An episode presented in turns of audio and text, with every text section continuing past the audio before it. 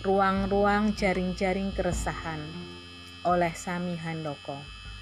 Jaring-jaring keresahan itu bermulai dari negeri Cina, lalu sampai ke negeri kita tercinta, Indonesia.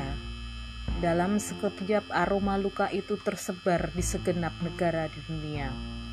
Keterhubungan itu ada, ini yang sering kita lupa, egosentris yang kebacut, sok kuasa, sok kuat, sok hebat, dan lain-lain. Lalu kita naifkan. Meski kita berada di beda ruang dan waktu, apa yang kita perbuat selalu berdampak kepada yang lain.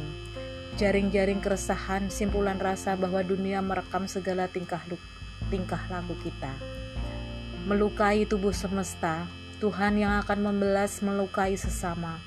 Tunggulah giliran engkau akan terluka sebab yang sama. Ketika bencana pandemi pada satu masa lalu kita berbondong-bondong beramai-ramai melebur dalam raung-raung meratap meronta dan ketakutan.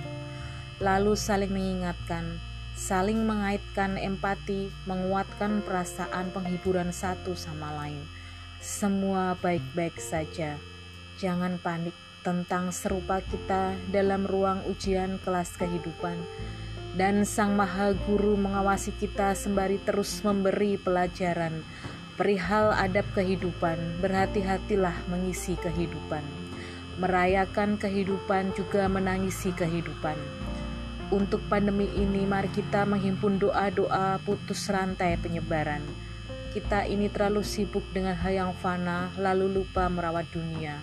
Luka-luka semesta kita abaikan melangkah gagah menginjak apa saja.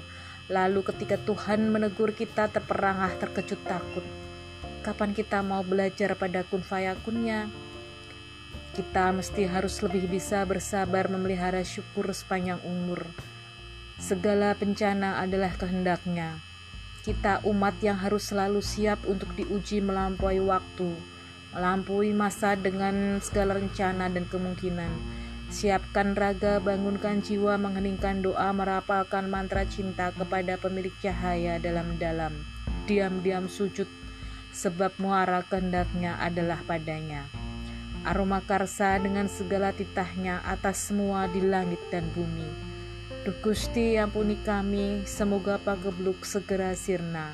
Amin ya Rabbil Alamin.